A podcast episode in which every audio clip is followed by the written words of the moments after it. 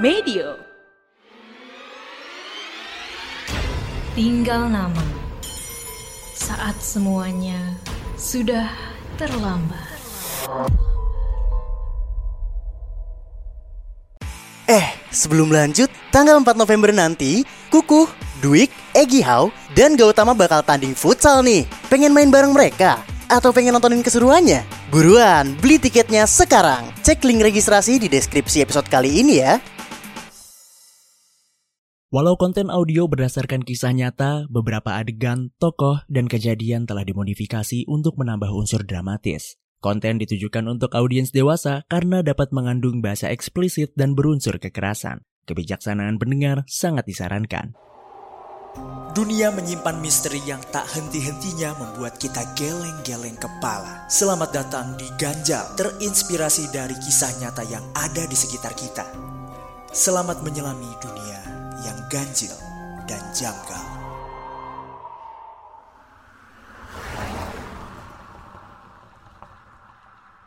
Setelah 100 meter, belok kiri. Siapa yang tiap jalan wajib banget nyalain aplikasi peta online? Ya, gue juga sama sih. Lucu ya? Padahal kita udah tahu rutenya. Tapi kadang nggak pede aja gitu. Aplikasinya tetap dijalanin biar yakin kalau rute yang kita pilih itu emang benar. Sama kayak tokoh utama kita kali ini. Namanya Suryadi.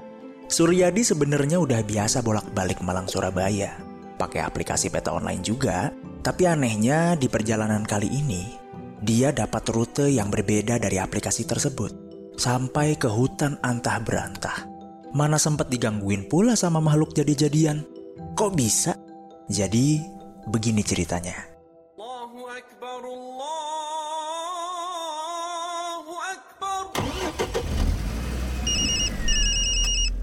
Halo?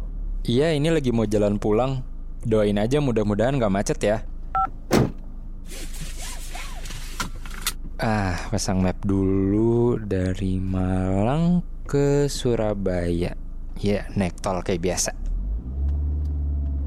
Kamis, jam 7 malam. Suryadi mulai naik mobil dari Malang. Suryadi sebenarnya udah sering bolak-balik ke Surabaya. Dia juga tahu rute yang biasa. Tapi untuk jaga-jaga, Suryadi selalu memakai aplikasi peta online saat perjalanan.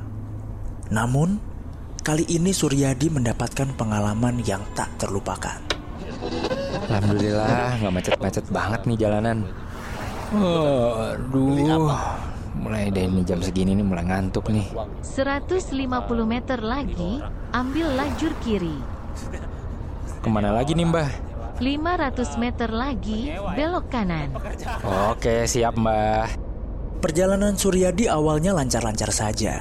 Tidak ada firasat apa-apa. Duh, lama-lama bosan juga. Pasang musik enak nih. Nih, nih, nih, nih, nih, nih, nih, nih. Eh, eh, eh, eh, eh, eh.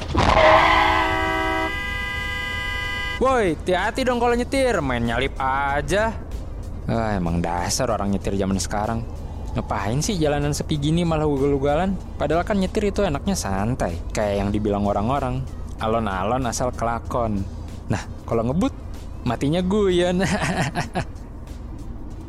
Tapi emang rada aneh juga sih malam ini. Kok nggak kayak biasanya yang banyak mobil ya? Sepi banget.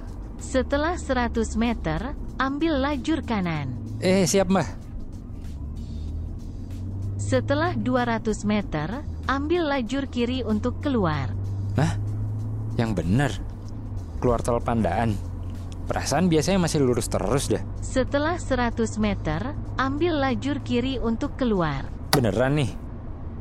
Hmm, aneh. Apalagi ada kecelakaan atau perbaikan jalan ya di jalur biasa. Ambil lajur kiri untuk keluar. Duh, gimana nih? Pilih jalan yang mana nih? Ambil lajur kiri untuk keluar. Ah, ya udah deh. Ini beneran gak sih lewat jalan kayak gini? Makin lama makin gelap lagi. Tapi bener kok nih mapsnya nyuruh lewat sini. Di depan kali ya nanti ada jalan besar. Ah, ah! Ih, ih, itu tadi siapa ya? Aduh, itu tadi salah lihat kali ya. Masa sih ada orang di samping mobil? Suryadi melihat sosok wanita berambut panjang mengetuk kaca mobilnya. Keanehan pun masih berlanjut. Di mana deh ini? Kok malah makin sepi ya jalanannya? Lurus terus. Mbah ini bener nggak sih mbah? Lurus terus. Lurus terus. Ah, masa sih? terus, lurus terus, lurus terus. Ah!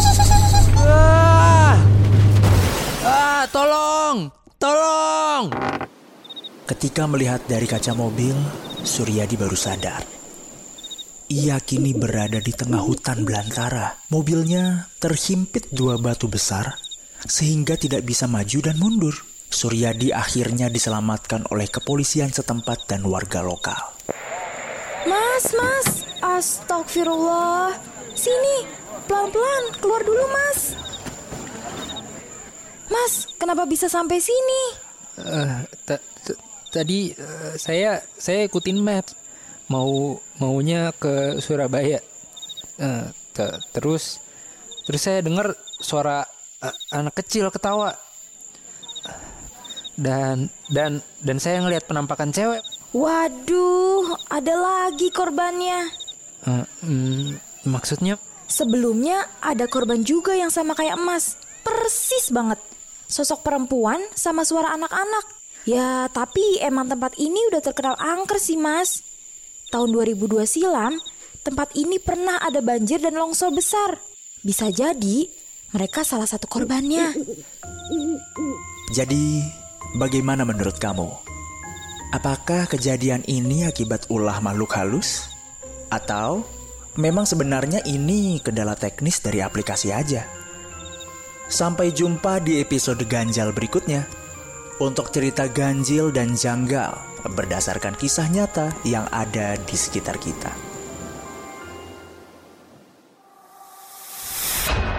Jangan lewatkan episode Tinggal Nama selanjutnya. Saat semuanya sudah terlambat, yang tersisa hanyalah tinggal nama. Tinggal